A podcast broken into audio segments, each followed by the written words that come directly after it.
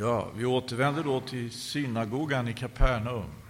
Och Jesus har hållit sitt tal. Att han är livets bröd. Och det har ju fått till följd då, det vi läser här i slutet av kapitel 6, Johannes evangelium, vers 66. För detta tals skull drog sig många av hans lärjungar tillbaka så att de icke längre vandrade med honom. Då sa Jesus till de tolv, inte vill väl också ni gå bort? Simon Petrus svarade honom, Herre, till vem skulle vi gå?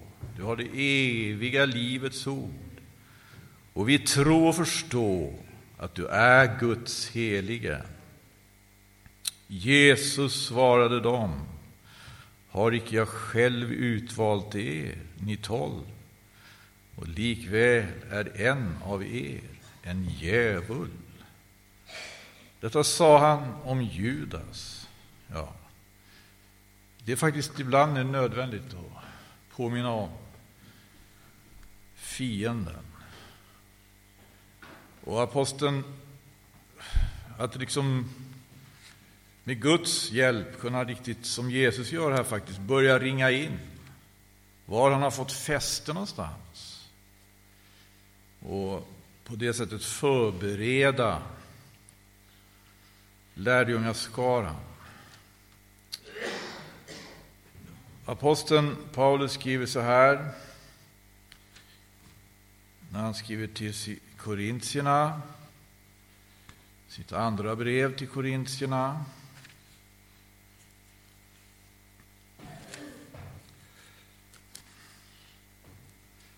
Skriver bland annat så här.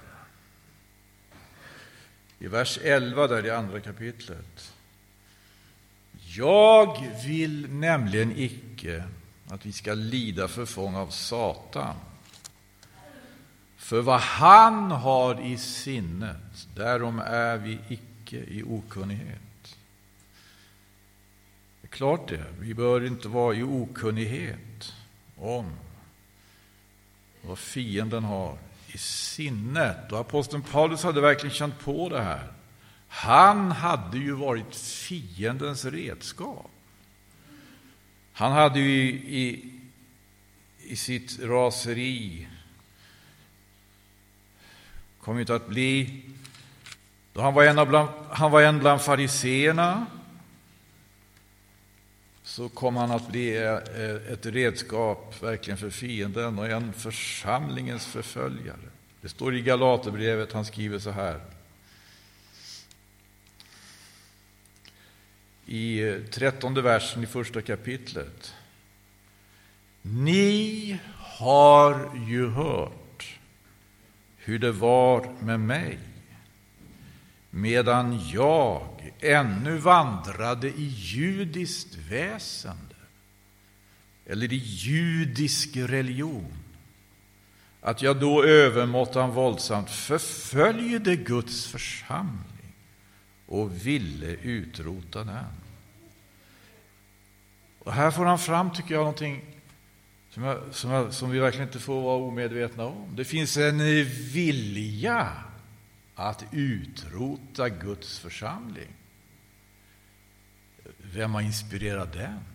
En vilja att utrota Guds församling. Och det här är ju inte knutet till judarna bara. Det, det var sant, han var jude, han var farisé. Och i Apostlagärningarna står det så här, kapitel 9. Saulus, står det, som alltjämt andades hot och mordlust mot Herrens lärjungar gick till översteprästen och utbad sig av honom brev till synagogorna i Damaskus för att om han fann några som var på den vägen vare sig män eller kvinnor, han skulle kunna föra dem bundna till Jerusalem. Och han skriver till Thessalonikerna. Thessalonikerna, det var inte judar, det var greker. Första Thessalonikerbrevets andra kapitel, i fjortonde versen står det så här. Ni käre bröder har ju blivit efterföljare till de Guds församlingar i Kristus Jesus som är i Judeen. För ni har av era egna landsmän fått lida detsamma som de har lidit av judarna, av dem som dödade både Herren Jesus och profeterna och förjagade oss och som är misshagliga för Gud och fiender till alla människor i det att de söka hindra oss att tala till hedningarna så att dessa kan bli frälsta. En vilja att utrota Guds församling som har fått frälsningens budskap sig givet av Gud. Och det baseras på ett underbart sätt i Guds eget väsen. Fadern älskar sonen.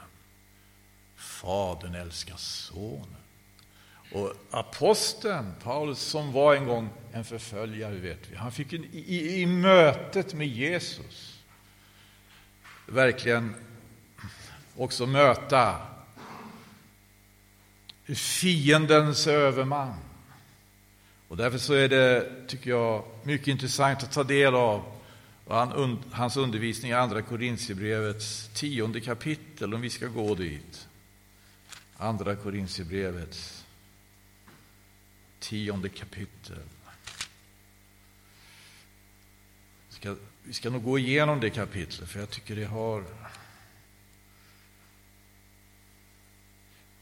Det har något att att upplysa oss om, tror jag. Han skriver så här.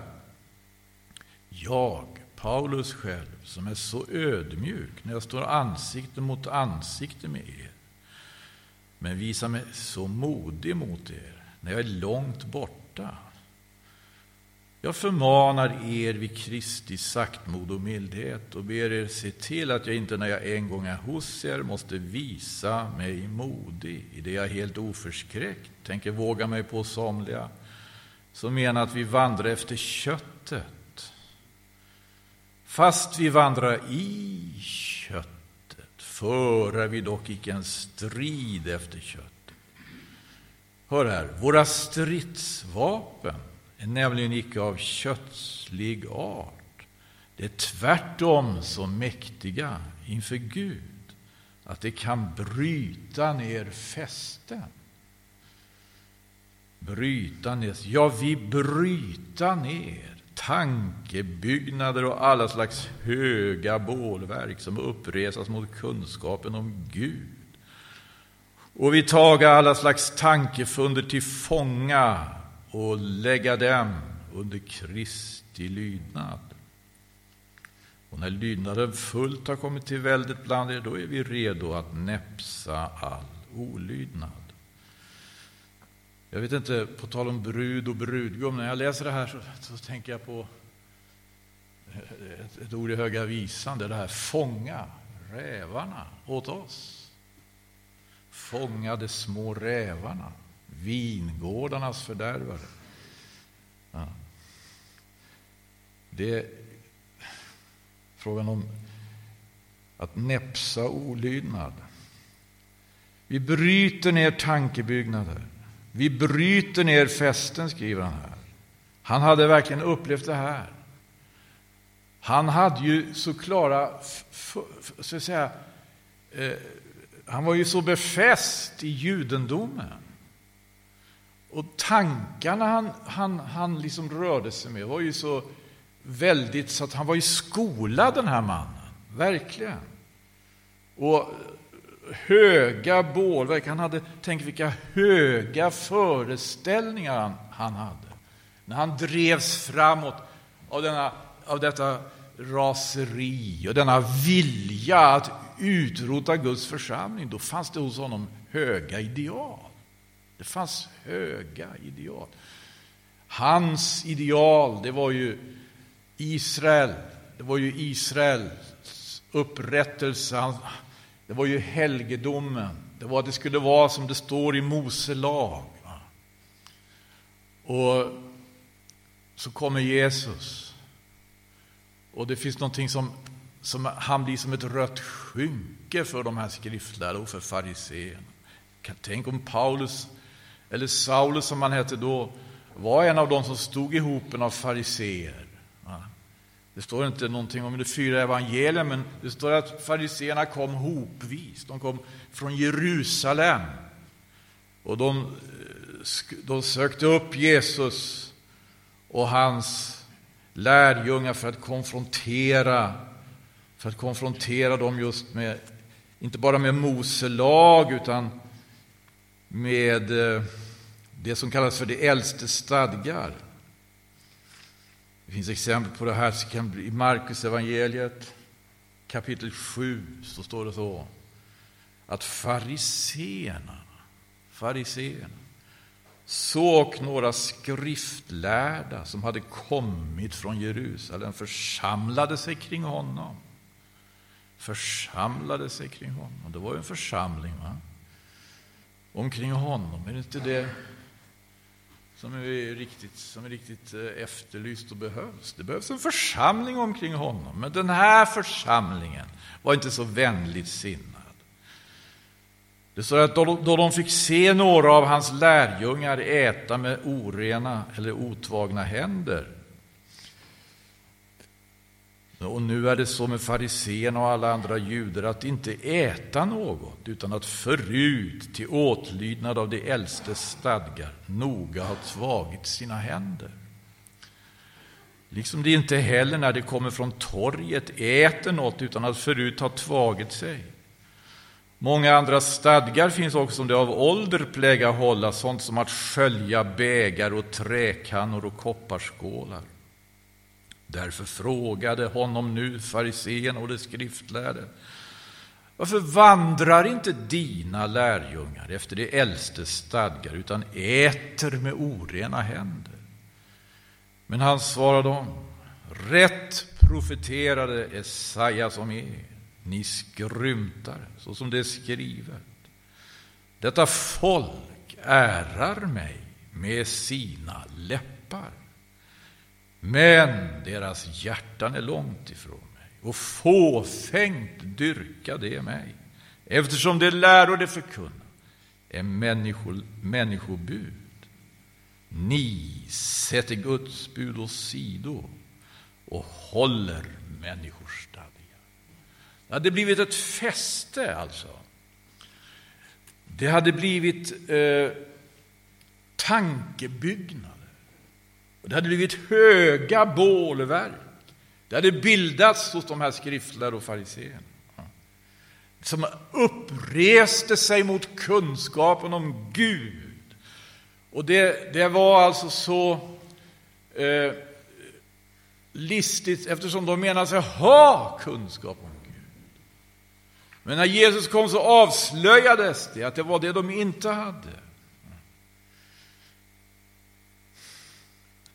Det var det de inte hade. Genom att göra anspråk på det att de hade kunskap om Gud. När de angrep, kritiserade Jesus och hans lärjungar så avslöjades det att det var det de inte hade. Och här, här kommer vi in på, här, här förstår vi att det här är ju eh, stridsfrågor, en strid, en strid om, om saker och ting. Nu säger som, som, som kan tyckas otillgängliga. De kan tyckas otillgängliga. Men nu skriver aposteln Paulus, de är inte det. Det finns stridsvapen. Om vi nalkas Gud uppriktigt, söker honom, så vill han utrusta oss med det. Stridsvapnen. De är inte av kötslig art. De är inte av kötslig art. I, i Korintierförsamlingen menar man att aposteln vandrade efter köttet, kan man tänka sig. Det var en anklagelse. De hade alltså fått en undervisning där om att, kunna, att man måste skilja mellan kött och ande. Den undervisningen hade de fått, men tillämpat på ett sådant sätt att de menar att aposteln vandrade efter köttet. Då måste den undervisningen ha blivit väldigt missförstådd då. Men eh, han skriver vi vandrar i köttet, men vi för inte en strid efter köttet. Våra stridsvapen, våra stridsvapen. Tänk vad han fick ta itu med. Honom.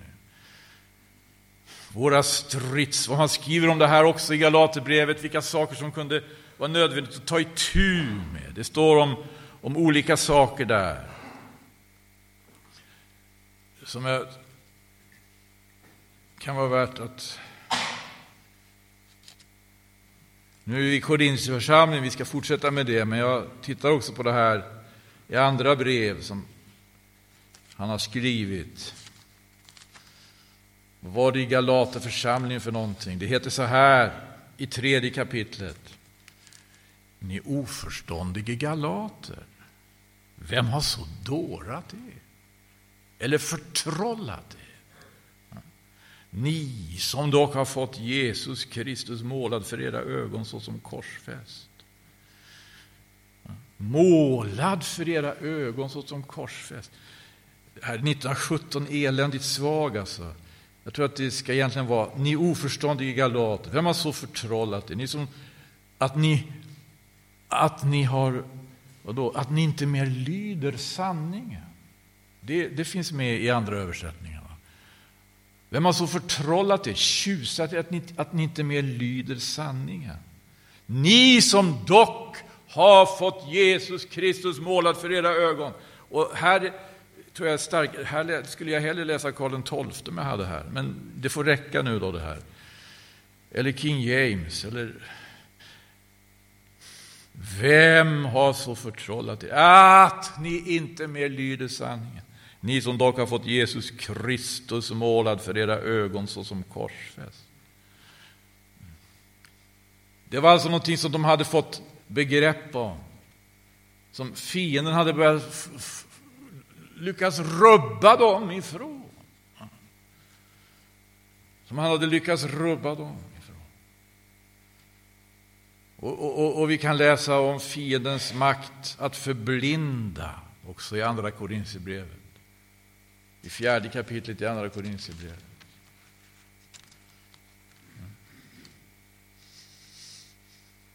Han, han uttrycker sig på det här sättet i tredje versen. Om vårt evangelium verkligen är bortskymt av ett täckelse så finns det täckelset hos dem som går förlorade. Det otrogna sinnen har denna tidsålders Gud så förblindat att de inte ser det sken som utgår från evangelium om Kristi Guds egen avbilds härlighet. Och, och, och, därför så tar han upp det här i, i tionde kapitlet om stridsvapnen. Stridsvapnen som behövs för att bryta ner fästen, för att för att komma åt tankebyggnader. Och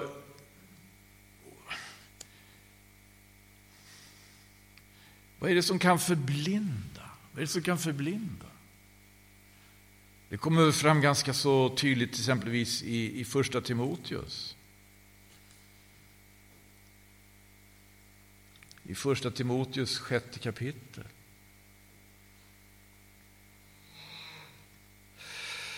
I tredje versen läser jag så här. Om någon förkunnar främmande läror och inte håller sig till sunda ord, vår Herres Jesu Kristi ord, och till den lära som hör Guds fruktan till, då är han förblindad av högmod och detta fastän han inget förstår, utan är såsom från vettet i sitt begär efter disputerande och ordstrider.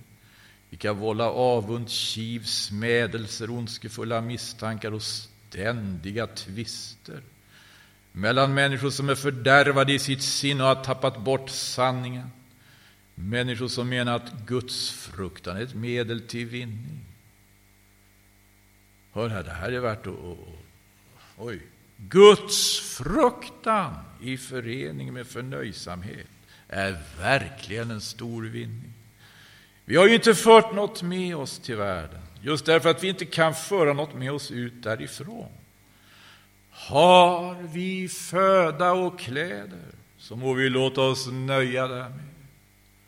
Vilken, vilken orientering! Den borde finnas i ryggmärgen på oss.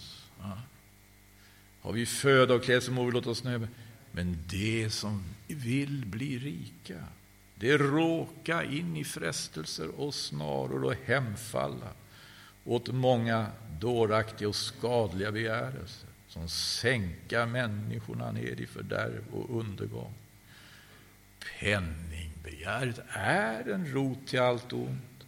Och somliga har låtit sig så drivas därav att de har villats bort ifrån tron och därigenom tillskynda sig själva många kvar. Det hör samman med att fienden, fiendens verksamhet går ut på det här bland annat att förblinda. Att förblinda, så vi inte ser Guds härlighet i Jesus Kristus. Här måste vi naturligtvis vara på vår vakt i olika riktningar. När det kommer till sådana här. Det finns vapen, det finns stridsvapen, låt oss inte glömma det. Låt oss nalkas honom, låt oss nalkas Herren. För att med Guds nåd få tag i dessa stridsvapen. De är inte av kötslig art. De är tvärtom så mäktiga inför Gud att de kan bryta ner fästen. Jag vill bryta ner tankebyggnader och alla slags höga bålverk. Som förtar till exempelvis föreställningar som, eh, som avvänder oss från det budskap om korset som vi möter i Galaterbrevet.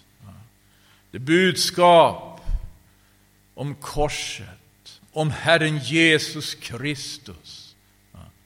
Att ingen, ingen trolldom eller några trollkonster får makt med sinnet så att vi blir avledda. Utan där har vi ju gode Gud. När jag, när jag läste det här så tänkte jag på ett ord av Jesus. Vi ska ta det ifrån från bergspredikan här, det är från Matteus evangeliets sjunde kapitel.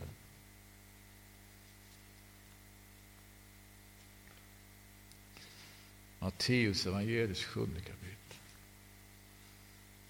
I slutet där, och då, då är ni med va? Ni vet vad som står där.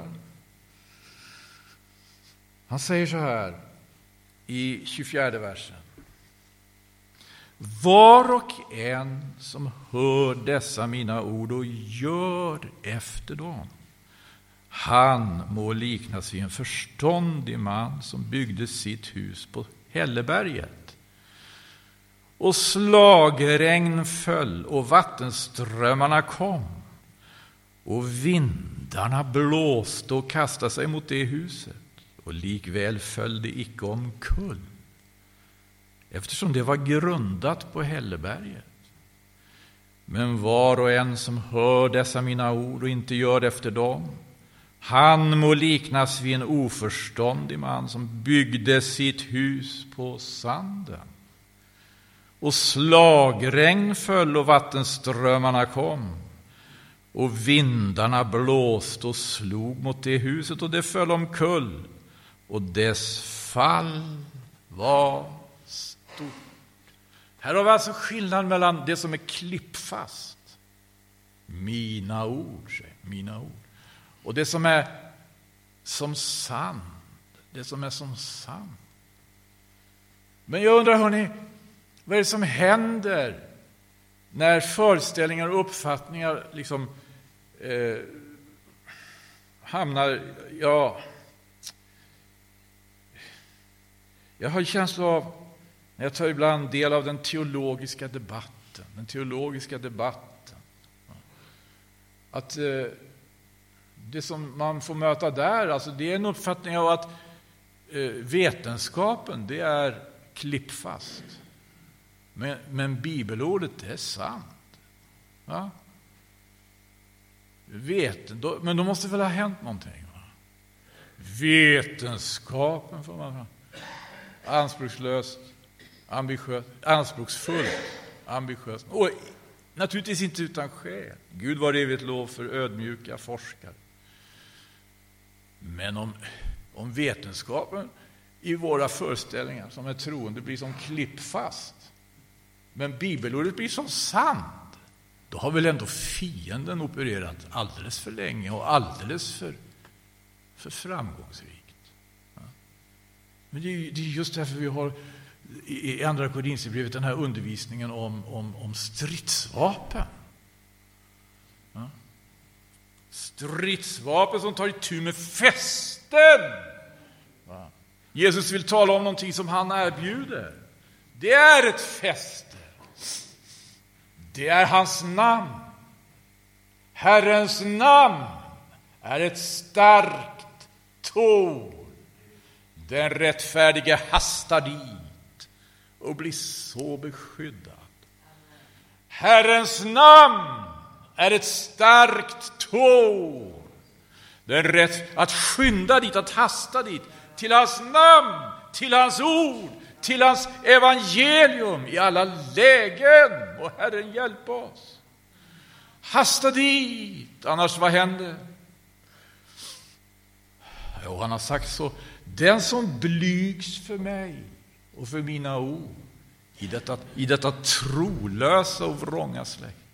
Det är bra att få höra ibland och veta vad man är av förslag.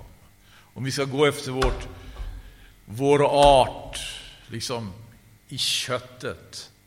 Ett trolöst och Den som blygs för mig och för mina ord i detta vrånga, trolösa släkt. För honom ska Människosonen blygas när han kommer i sin och sin faders och de heliga änglarnas härlighet. Det här var väl ett Maranata-budskap om något. Skulle man inte egentligen, ja gode Gud, är jag i stånd att våra stridsvapen är nämligen inte av kötslig art.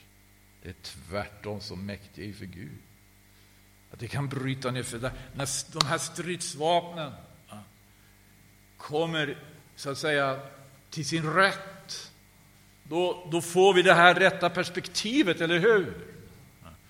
Då håller vi fast vid den bild av Kristus som har målats för oss på apostlarnas undervisningsgrund. Då håller vi fast vid den bild av Kristus vi har fått genom Galaterbrevet, Korintierbreven, alla breven, de fyra evangelierna, Uppenbarelseboken och hela Bibeln. Den bilden av Kristus som överensstämmer med sanningen. Och släpper inte den. Vi låter oss inte avledas utan står fasta. Må Gud hjälpa oss. Jag läser vidare Andra Korinthierbrevets tionde kapitel, sjunde versen. Då. Se vad som ligger öppet för allas ögon. Om någon i sitt sinne är viss om att han hör Kristus till så må han ytterligare besinna inom sig att lika visst som han själv hör Kristus till, lika visst gör också vi det. Och om jag än något härutöver berömmer mig, då nu frågar jag om vår myndigheten som Herren har givit oss till att uppbygga er och icke till att nedbryta, skriver denne förundliga apostel, så ska jag dock icke komma på skam därmed. Jag vill icke att det ska se ut som om jag med mina brev endast tänkte skrämma er, för nu kommer vi. Man säger ju, man säger ju Hans brev är väl myndiga och stränga. Men när han kommer själv uppträder han utan kraft och på hans ord aktar ingen. Vad i all dar? Visst är det så, hans brev är så myndigt som man tänker, när han kommer själv. Men snälla någon, när han kommer själv, står det. Ja, han uppträder då utan kraft, på hans ord aktar ingen. Kunde det ligga någonting i den här, så att säga, beskrivningen av? Och det visar sig att det gör det, hör och häpna. Så här skriver han. Den som säger sådant, han må emellertid göra sig beredd på att sådana som vi är i orden, genom våra brev, när vi är frånvarande, sådana ska vi också visa oss i gärningarna när vi är närvarande. Men om, om det ska visa sig något i gärningarna, då uppträder man väl inte som, som det står här då, alltså, utan kraft och på hans ord aktar ingen. Men det här stämmer väldigt väl, hörni, med, vad hans, med hans egen beskrivning av, och, och när han förklarar sig, så att säga, i första Korintierbrevet, när han förklarar sitt uppträdande i Korintierförsamlingen, då skriver han så här i första Korintierbrevets andra kapitel. När jag kom till er, mina bröder, var det också icke med höga ord eller hög visdom som jag kom och frambar för er Guds vittnesbörd. För jag hade beslutit mig för att medan jag var bland er icke veta om något annat än Jesus Kristus och honom såsom korsfäst. Och jag uppträdde hos er i svaghet och med fruktan och mycket bävan. Och mitt tal och min predikan framställdes icke med övertalande visdomsord utan med en bevisning ande och kraft. Men då stämmer ju den här beskrivningen. Då. Det gick ett rykte, man sa till varandra, eller korresponderade, jag vet inte på något sätt. När han kommer själv uppträder han utan kraft och på hans ord så kunde det se ut när han kom. Men när man, när man uttrycker sig på det här sättet så missar man någonting väldigt väsentligt. Tron skulle icke baseras på människors visdom. När man uttrycker på det här sättet så missar, missar man Guds kraft. När han uppträdde som han gjorde så gjorde han det för att inte han, hans egen kraft skulle göra något intryck. Utan Guds kraft. Och så förklarar han sig så här. Den som säger sådant, han må emellertid göra sig beredd på att sådana som vi är i orden, genom våra brev, när vi är, när vi är frånvarande, sådana ska vi också visa oss i gärningarna när vi är närvarande. Tänk på den tiden, hörni, då man skrev ett brev och kunde inte räkna med det. Det kom fram på två, tre dagar bara. Det kunde ta veckor och månader. Man skickade ett brev. Kommunikationerna var inte som de, var, som de är idag. Man skickade ett brev och det kunde ta tid. Och det är klart, då är man ju anledning att få med så mycket som möjligt då. För att de som får det här brevet inte ska missa någonting av det som, som man vill uttrycka. I det här fallet aposteln Paulus. Han fick verkligen med någonting. Sådana som, som vi är i orden när vi är frånvarande ska vi också visa oss vara i gärningarna när vi är närvarande. Men är inte det här ett ord som måste på största allvar begrundas i dessa internettider? När vi använder sociala media och när vi skickar e-mail. Eh, vad, vad, vad liksom kan man tänka sig att vi måste vara medvetna om då för proportioner här? Vad kan man tänka sig? Hur använder man det? Det är ett förunderligt media naturligtvis. Men kan ni, kan ni tala om för mig när man använder sociala medier, Skype, eller man syns på bild, man hörs. Är man frånvarande? Eller är man närvarande? Så att villkor som gäller är att man bör helst kanske inte uppträda så anspråksfullt. Eller är det det man bör? Jag, jag är ganska så fundersam därför att jag tycker internet har erbjudit sig enorm plattform. Men jag har varit med om sådana, tycker jag, faktiskt otroliga ibland eh, projekt på internet. Debattforum, Eh, bokklubbar, hela bokklubbar på internet. Och man har möjlighet att diskutera även eh, teologiska frågor, komma in på, få fram sitt vittnesbörd. Men jag märker ju att det, det är tyvärr så att det är väldigt lätt att, eh, att det styrs i en sån riktning att det blir bara så att säga, allting bara schabblas bort. Det, den som är mest aggressiv och mest, mest bullrig och, och använder mest fula ord liksom tar över. Då, då kanske man missförstår hur man ska använda. Vad, är inte det ett enormt media att använda? Vi använder ju det. Men, men, men, men, på vilket sätt ska vi ta ledning då av det här?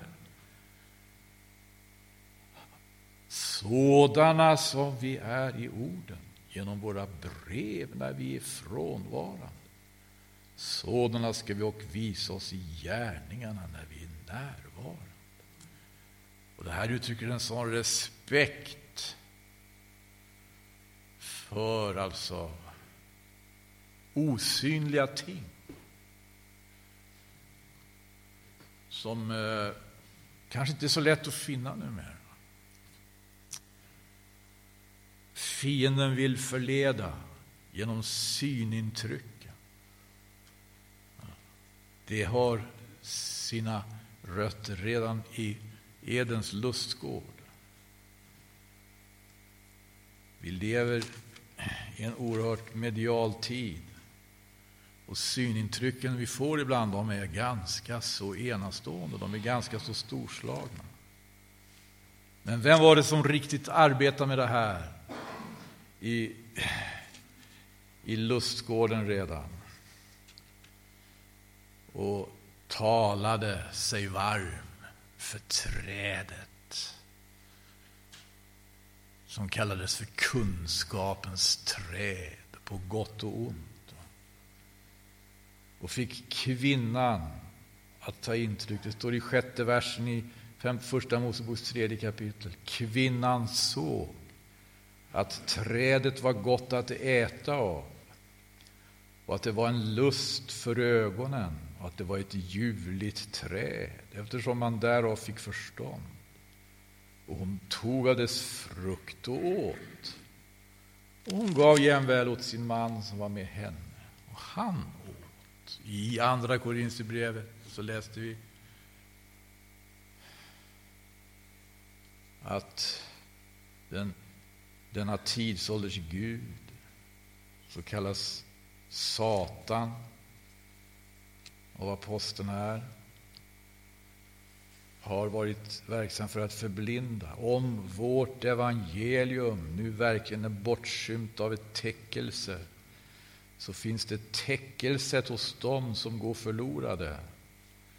Det otrogna sinnen har denna tidsålders Gud så förblindat att icke se det ske som utgår från evangelium om Kristi, Guds egen avbilds härlighet.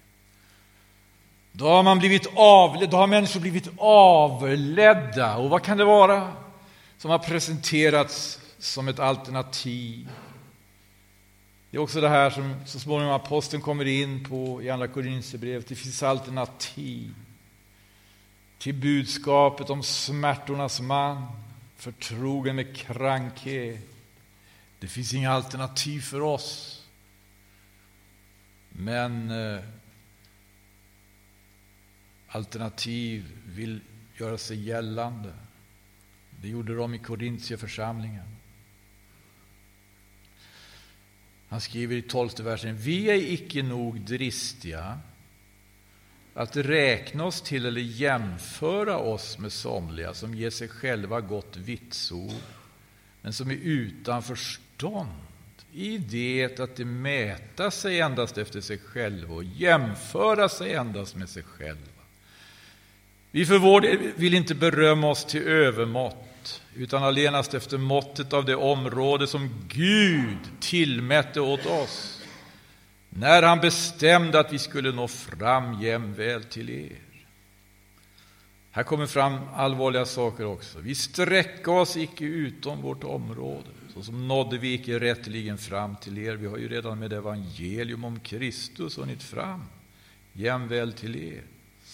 När vi säger detta berömmar vi oss icke till övermått, inte av andras arbete, men väl har vi det hoppet att i samma mån som er tro växer till vi inom det område som har tillfallit oss ska bland er vinna framgång i så överflödande mått att vi också får förkunna evangelium i trakter som ligger bortom er och detta utan att vi inom ett område som tillhör andra berömmer oss i fråga om det som redan där är. Förstår vi och följer apostelns resonemang?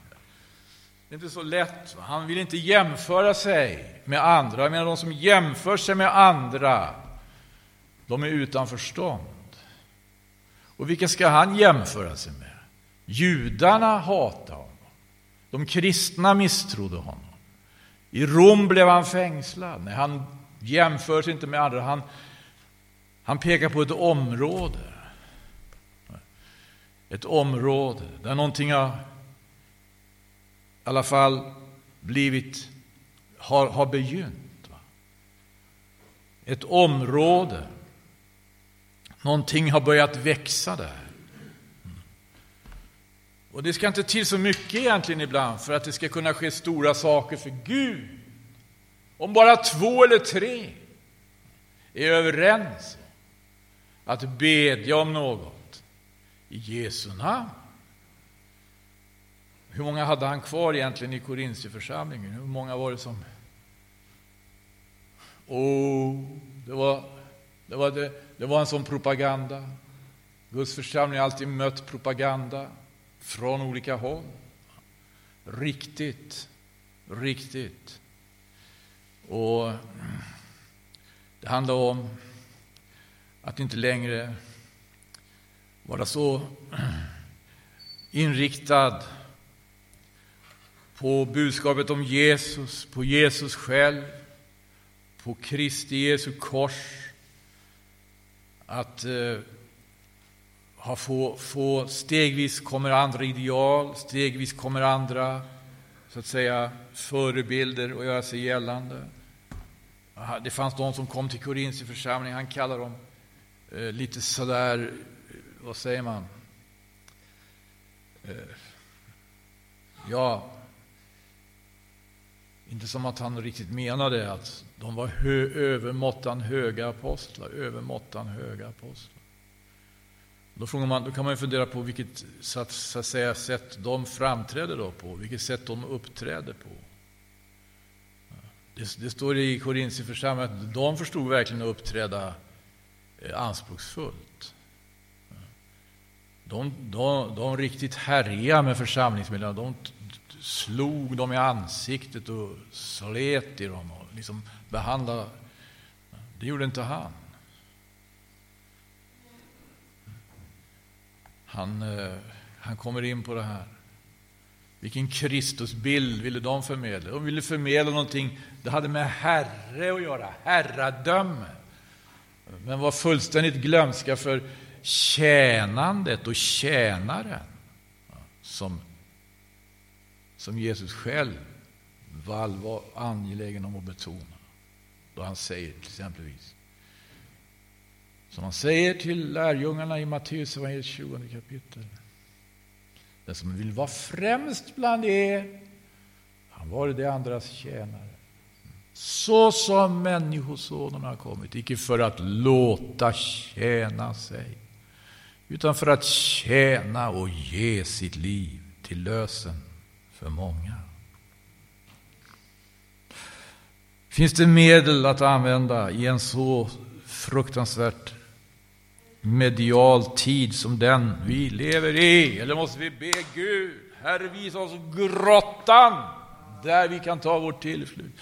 Ingen elektricitet, inget internet. Gud i himlen, vi har en brasa och vi klarar oss med Guds hjälp. Och vi är helt, nej, är jag för pessimistisk? Men ibland undrar jag. Och söka honom för att få tag i stridsvapnen.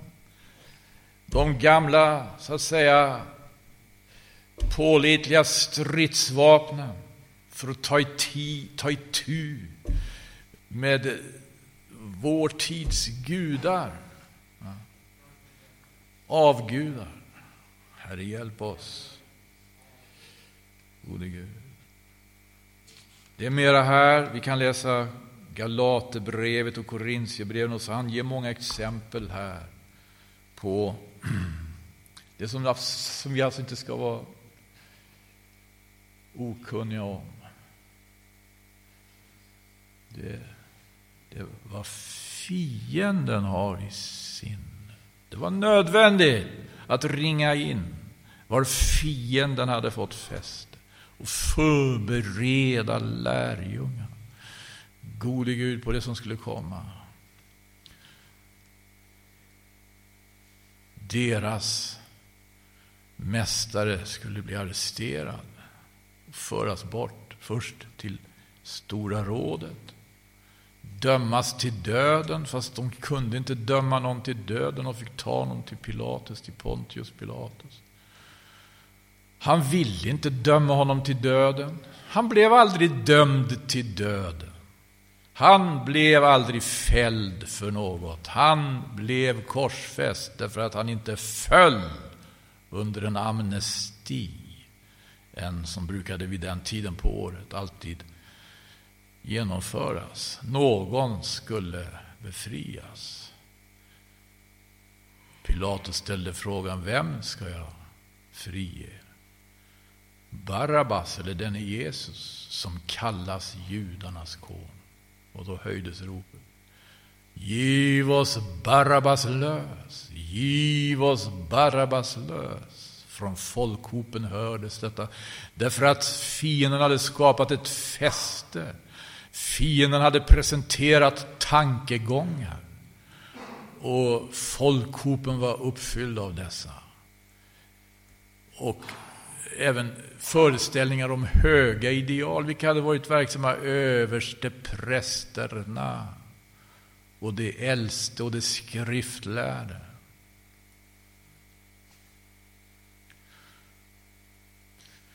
Ja,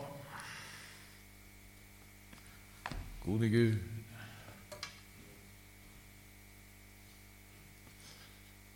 Jag vet inte om jag får tacka för mig nu få fram det jag hade på hjärtat, tror jag. För det här tillfället. Ska vi tacka Gud och bedja. Halleluja, vi prisar dig, vi tackar dig. Herre, vi ropar till dig och vi beder. Herre, du är helig. Halleluja. Åh, vi tackar dig, Herre, vi får påminnas om detta som står skrivet. Hjälp oss hitta rätt Gud i himlen, de rätta kanalerna och hjälp att finna och förstå, Herre, på vilket sätt, Herre, vilka krav, vilka villkor som gäller, Gud. När är det här, Herre? På vilket sätt är det här, Herre, nödvändigt att beakta, Herre? Sådan som han var i orden när han var frånvarande. Sådan, sådan, sådan var han också i gärningarna då han var närvarande. Och han såg så svag och kraftlös ut. Och han såg ut som en man som inte har mål i mun. Det var en, miss, en missuppfattning. Vi prisar dig, vi, vi beder dig. Hjälp oss i Jesu namn. Amen.